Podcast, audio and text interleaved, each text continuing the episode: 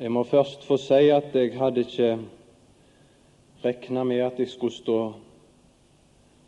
her når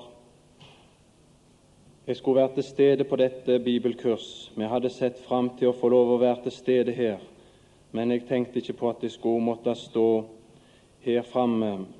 Jeg har ved tidligere kurs og det som ellers har, når vi har vært i Japan, hatt anledning til å lytte til på lydbånd, hatt det største utbyttet og har blitt velsigna så stor grad at jeg kan ikke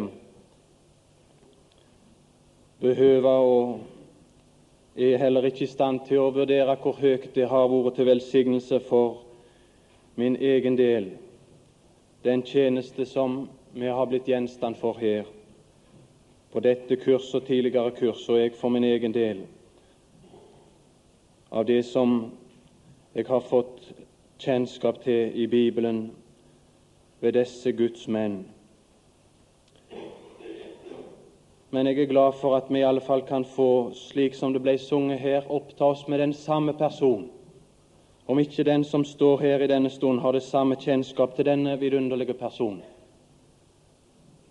så kan vi i alle fall i all enkelhet forsøke å oppta oss med Han fortsettende. Og da vil jeg gjerne at vi skulle samles om noen ting i forbindelse med rettferdiggjørelse. Der står noe i Jobbs bok, det niende kapittel, og der i det andre verset er det et spørsmål, et spørsmål som tidlig ble stilt, og det er hvorledes en mann skulle kunne ha rett mot Gud hvorledes en skulle kunne være rettferdig for Gud, og for at en skulle kunne ha en urokka og urokkelig ro og trygghet i sitt forhold til Gud, så er det nødvendig å ha et tilfredsstillende svar på dette spørsmål.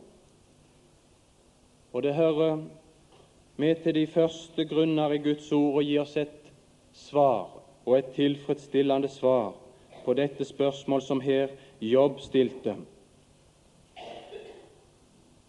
For mennesket det begynte etter fallet med å anklage Gud og den vei til frelse som Han åpenbarte, og så rettferdiggjorde de seg sjøl. De aller fleste det gikk Kains vei. De ble uenige med Gud om dommen over seg sjøl. Også med den nådens vei til frelse som Gud forkynte fra begynnelsen av. Og så ble det sant som står i ordspråkene, det 14. kapittel og det 12. vers der, at det mang en vei tykkes en mann rett. Det var bare ikke Guds vei som de tykte var rett. Og smak og behag, det kan ikke diskuteres. Noen tenkte slik, og andre mente slik. Så det blei sant om oss, det som står en annen plass, at vi vendte oss hver til sin vei, den vei som passa oss. Men det var ikke alle som derfor trodde og syntes at den vei de hadde valgt, var rett det var ikke alle veier som tyktes en mann rett. Det er ingen som tror at en kommer til himmelen ved å leve et liv i rennesteinene. Nei, det er ingen som synes at det er den vei er rett. Men det er mange som tror at en kommer til himmelen på veier som synes rette. Ved å gjøre noe, ved å gjøre sitt beste.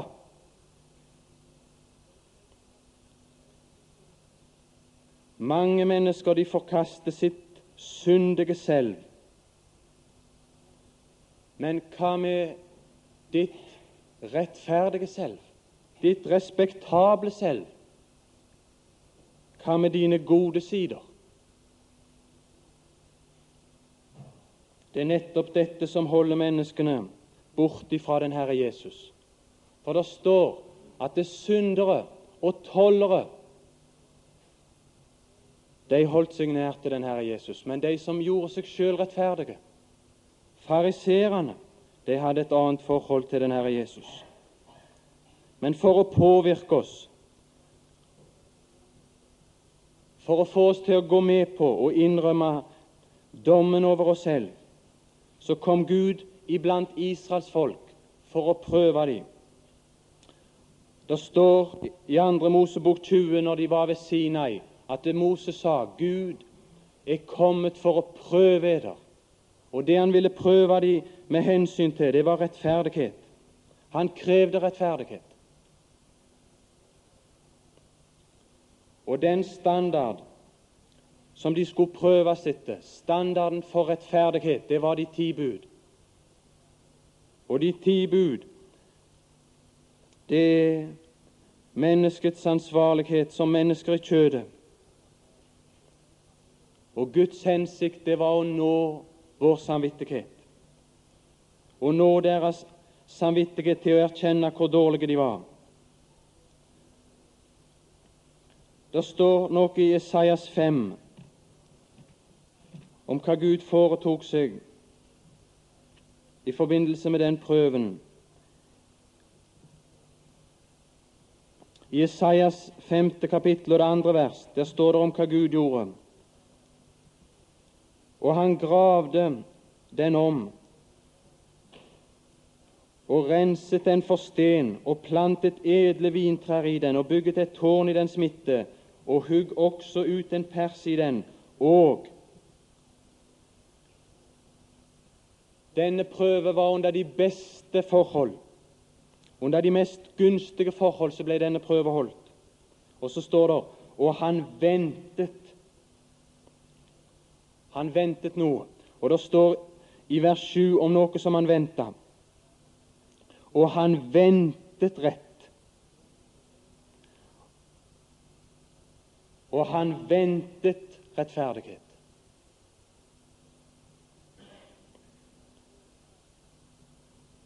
Men det var det ikke å finne. Så står det noe i vers 4 som en konklusjon.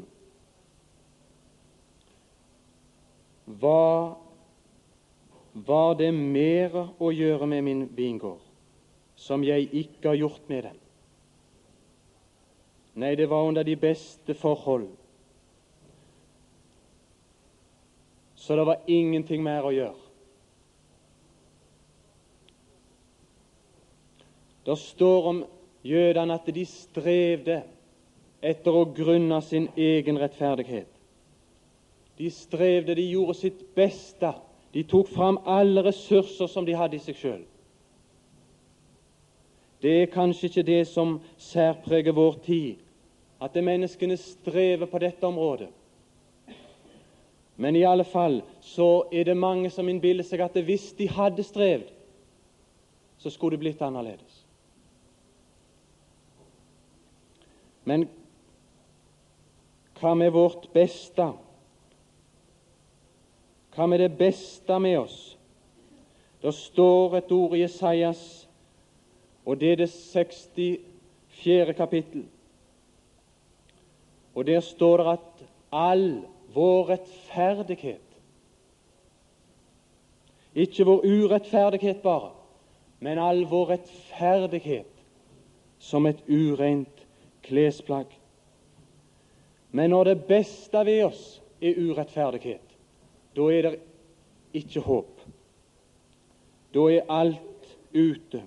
Da er det håpløst. Og da er prøven over. Og så er resultatet gjort kjent. Det er gjort kjent for oss så tydelig i Romerbrevet 3. For der står det at det finnes ikke en rettferdig. Når det har vært undersøkt så er det ikke å oppdrive. Det finnes ikke en ikke én. Så når den Herre Jesus kom og kalte på menneskene, så sa han sjøl jeg er ikke kommet for å kalle rettferdige, for slike finnes ikke. Men jeg er kommet for å kalle syndere til omvendelse. Så Kristus han kom ikke for å kalle mennesker som ville gå fortapt hvis ikke de vendte seg ifra sine synder.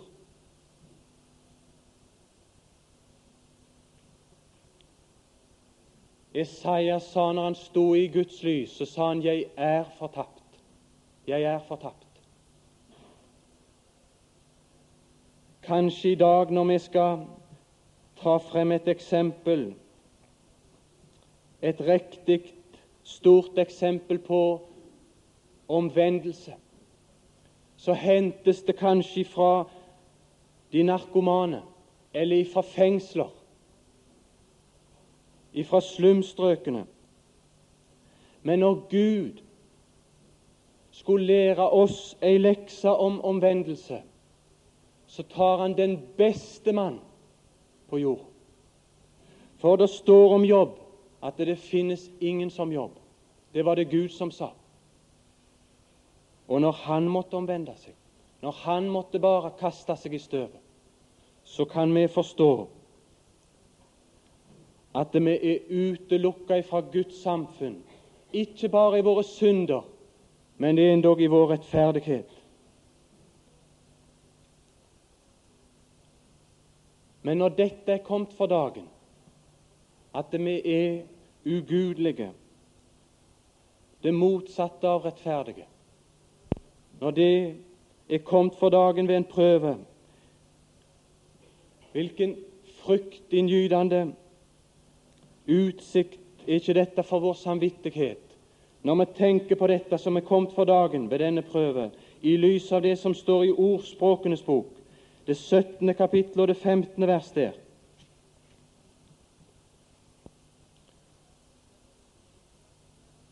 Der står det 'Den som frikjenner en ugudelig', og 'den som dømfeller en rettferdig', de er begge to en vederstyggelighet for Herren. De er begge to en vederstyggelighet for Herren.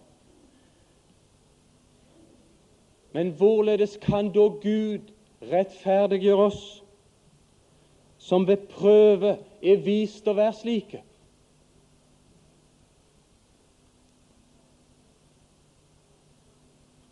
Om Gud så gjør, så må han vel krenke den strenge rettferdighet. Det står noe i Jobb, det 37. kapittel, om Gud. Det 37. kapittel og det 23. vers.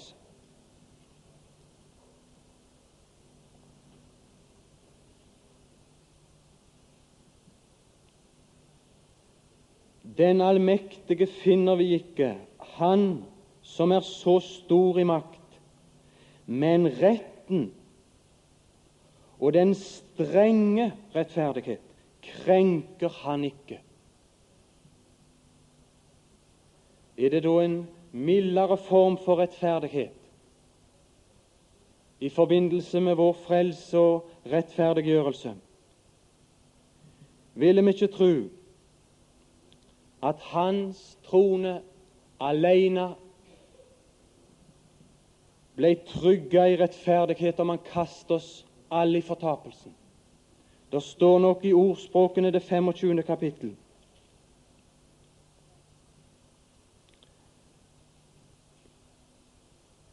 Det er jo rett og rettferd som er han, hans trones grunnvoll. Og der står det Før den ugudelige bort fra kongens åsyn, så blir hans trone trygget i rettferdighet. Det synes jeg ville være mest naturlig å tro bort fra Herrens åsyn. Da ville vel hans trone vært trygga ved rettferdighet.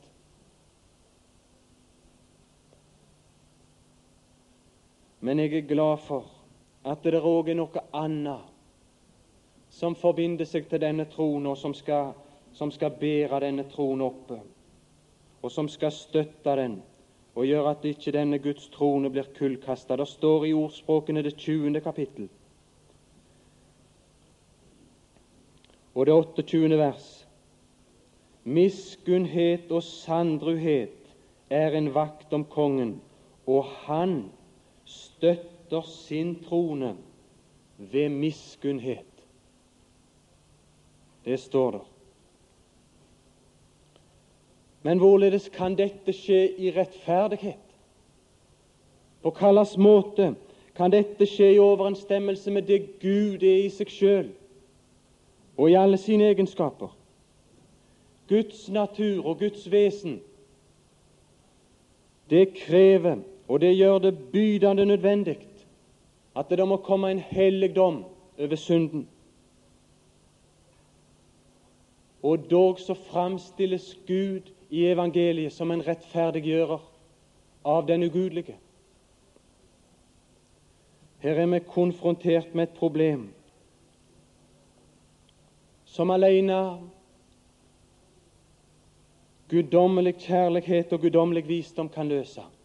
Og Det som er så vidunderlig for oss, det er at dette problem det har funnet sin løsning i den Herre Jesu død, som er den rettferdige grunn for Guds rettferdiggjørelse av den ugudelige. Så vi blir rettferdiggjort uforskyldt, så er det ved Hans blod. Så er det ved forløsningen i Kristus Jesus, sånn som det står i Romerbrevet det tredje kapittel. Skal vi bare lese der?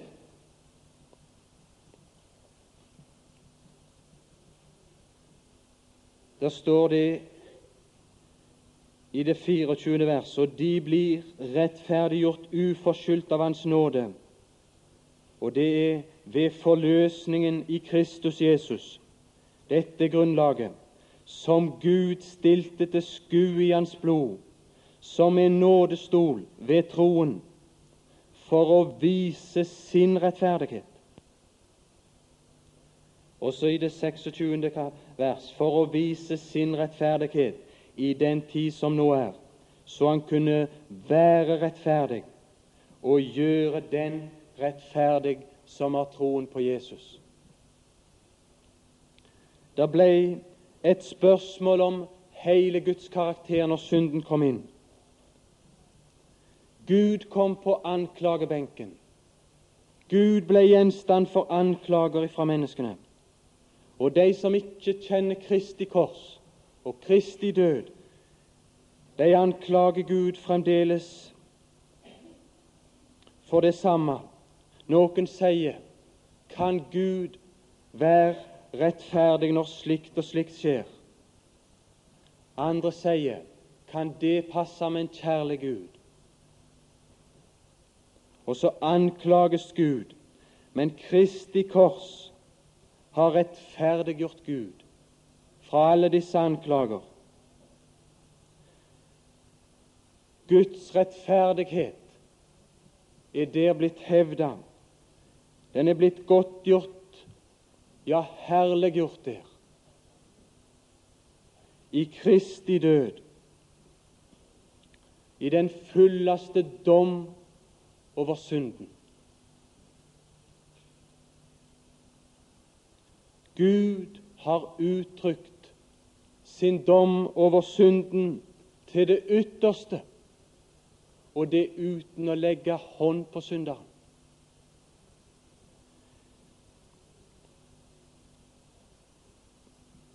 Ingenting kunne mer vise Guds hat over synden enn at den Herre Jesus, Guds sønn, døde for å bære den dom, og det uten at det ble noen formildelse av den grunn. Guds rettferdighet, som vi her har lest om mot synden, den ble åpenbart og herliggjort. Men det er ikke bare ved at det, det onde ble dømt. For det vil skje òg ved den store hvite trone. På dommens dag, da vil òg det onde bli dømt. Men Guds rettferdighet ble åpenbart og herliggjort ved at Kristus bar vreden, forbannelsen, for andre, i kjærlighet for deg og for meg. Og således er Gud rettferdig når han rettferdiggjør den ugudelige. Om det ikke var for Kristi verk, om det ikke var for forløsningen i Kristus Jesus, så kunne Gud bare være rettferdig ved å fordømme oss. Men det som er de gode nyheter og det vidunderlige evangeliet, er at Gud er rettferdig ved at Han rettferdiggjøres slik som oss. Men Guds kjærlighet den også, ble òg fullkomment herliggjort ved at den Herre Jesus døde. For det står at Gud viser sin kjærlighet, den som er spesiell for Han, den viste Han derved at Kristus døde for oss mens vi ennå var syndere. Så vi blir rettferdiggjort i kraft av et forløsningsverk og et forsoningsverk der Gud er blitt herliggjort i rettferdighet. I sitt forhold til hele synden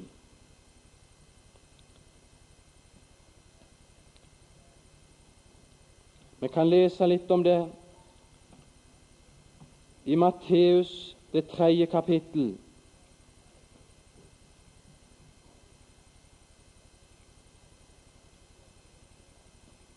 På den måten som vi leste om det fra Romerbrevet 3, så ble Gud herliggjort, rettferdiggjort ifra alle anklager, fra all mistanke og mistenkeliggjørelse av Gud.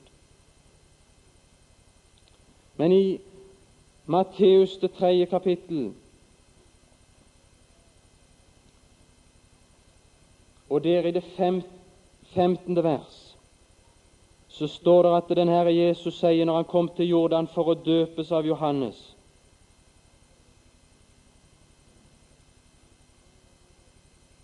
Så sier han, la det nu skje, for således sømmer det seg for oss og fullbyrde all rettferdighet.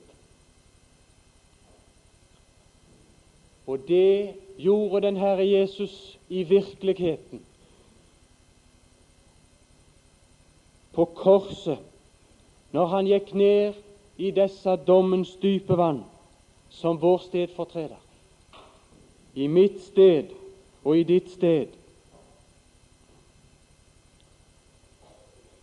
Og der står en plass at kjærligheten, den, den gjør intet usømmelig. Men den Herre Jesus, hos han var der kjærlighet. Så han sa slik, la det nu skje, for således sømmer det seg for oss å fullbyrde all rettferdighet. Hos den Herre Jesus så var det kjærlighet så han på Golgata gikk inn under alle disse rettferdighetens krav som Guds hellige vesen krevde. Og så opprettholdt han alt som var Guds rettmessige i sitt forhold til synden. Og så fullbyrder han der all rettferdighet.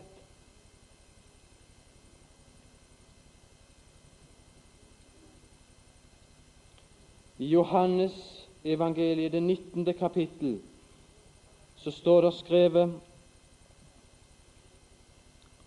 om noe som stridsmennene gjorde med de to andre som var korsfesta sammen med den Herre Jesus, nemlig at deres bein ble brutt.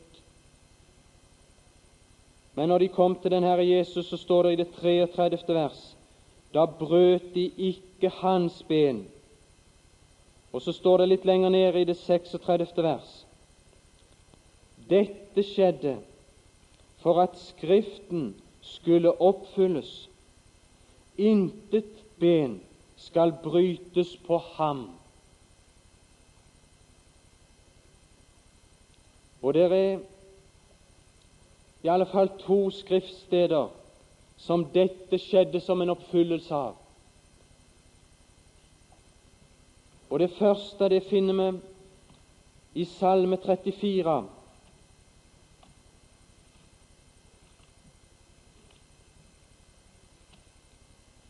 Og der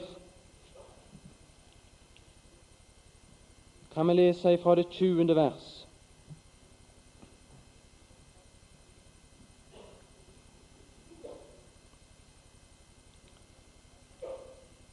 Han tar vare på all Ja, det 20. vers. Mange er den rettferdiges ulykker, men Herren utfrir ham av dem alle. Han tar vare på alle hans ben. Ikke ett av dem blir sønderbrutt. Så når den Herre Jesus ble utfridd fra dette, så utmerka det den Herre Jesus som den absolutt rettferdige. Som den absolutt rettferdige. Men dessuten så var det en bestemmelse i forbindelse med påskelammet i Andre Mosebok, det tolvte kapittel, så står det om påskelammet at de ikke skulle bryte noe bein på det. Og det er for meg en vidunderlig sannhet at det var fordi den Herre Jesus var slik at han var den rettferdige, den absolutt rettferdige, at han kunne fullbyrde all rettferdighet at han kunne rope, slik som det står der i Johannes 19, det er fullbrakt. Han kunne bli vårt offerlam, som kunne dø i vårt sted, som kunne sone synden, som kunne tilfredsstille Guds rettferdighetskrav og fullbyrde det så han kunne rope 'Det er fullbrakt'.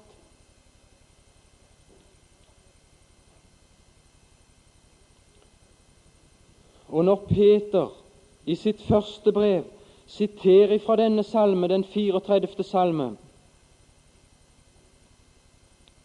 som det skjedde som en oppfyllelse av det på korset, og han der taler om at de kunne bli påført lidelser for rettferdighets skyld, for Kristi navns skyld. Så sier han i det 17. vers Og den måten han formaner de der på, den synes jeg er merkelig. For det er bedre, om så er Guds vilje, å lide når en gjør godt, enn når en gjør ondt. Det er ikke noe som vi har med, sier Peter, å lide for ondt. Tenk det. Det han tenkte på og formante de med hensyn til, det var å leve slik at øvrigheten ikke skulle straffe dem. Og så formaner han de ut ifra dette at det var noe som den Herre Jesus tok som sin spesielle del. Og det var å lide for ondt, å lide for synd. Det skulle være Kristi del alene, sier Peter. Det skulle vi slippe å ha noe med å gjøre. Det står at han begrunner dette at vi skulle ikke lide for ondt, for noe ondt vi skulle gjøre. Hvorfor skulle vi slippe det? For også Kristus led en gang for synder. Det var derfor vi skulle slippe det. Den del i lidelsen, det er Kristi del. Den har han tatt. Det gjorde han én gang.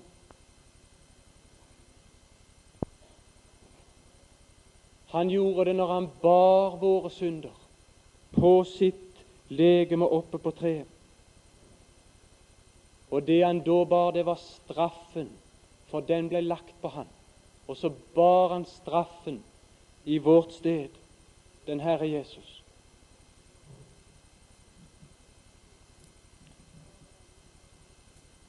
Men når det fant sted,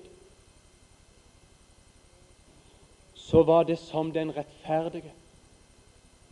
Så var det som den som intet ben skulle brytes på, fordi han er vårt offerlam. For han fortsetter her. For også Kristus led en gang for synder, en rettferdig for urettferdige. Slik led den Herre Jesus, for å føre oss frem til Gud.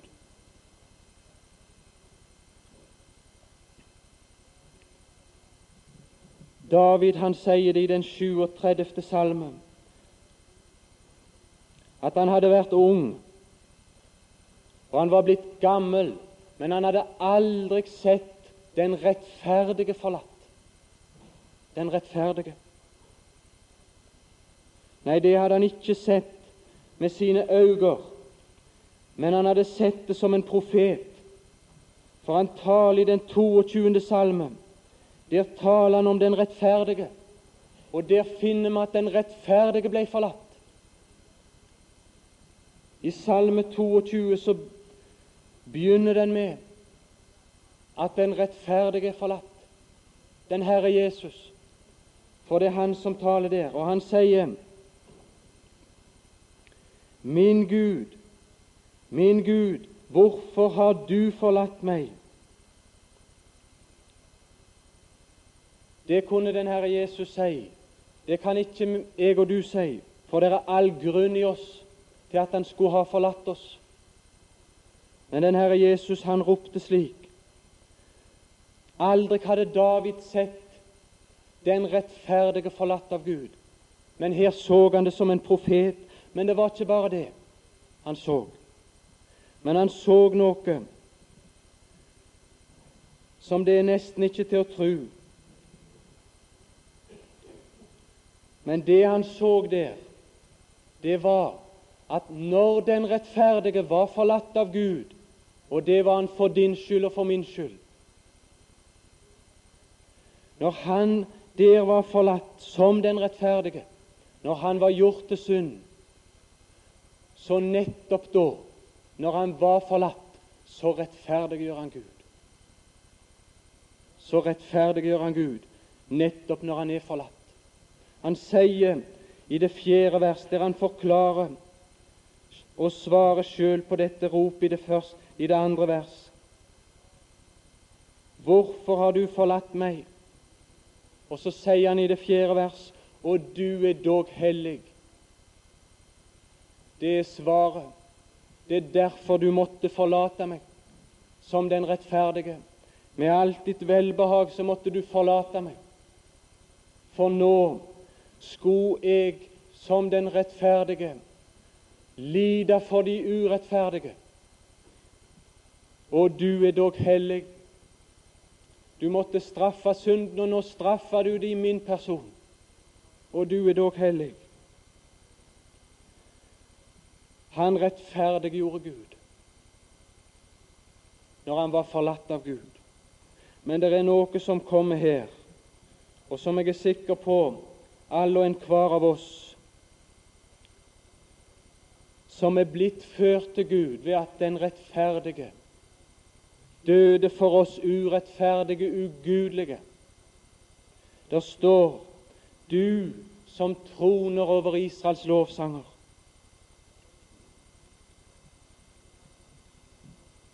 Når vi får se denne sannhet og blir stilt i lys av denne sannhet, så blir det iallfall noe som enhver av oss som er frelst, blir fulgt av.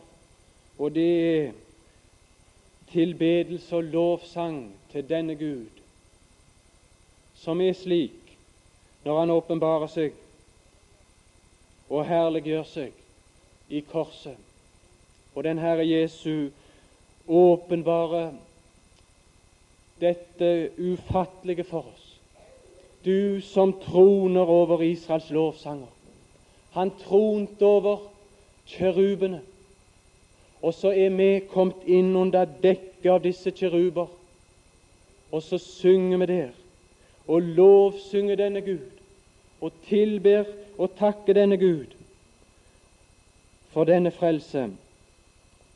Men når nå Gud i Kristi kors var fullkommen tilfredsstilt i sin rettferdighet og herliggjort ved Kristi verk, så reiste han den Herre Jesus opp som et vitnesbyrd om det. Og det var for det første et vitnesbyrd om hans personlige rettferdighet.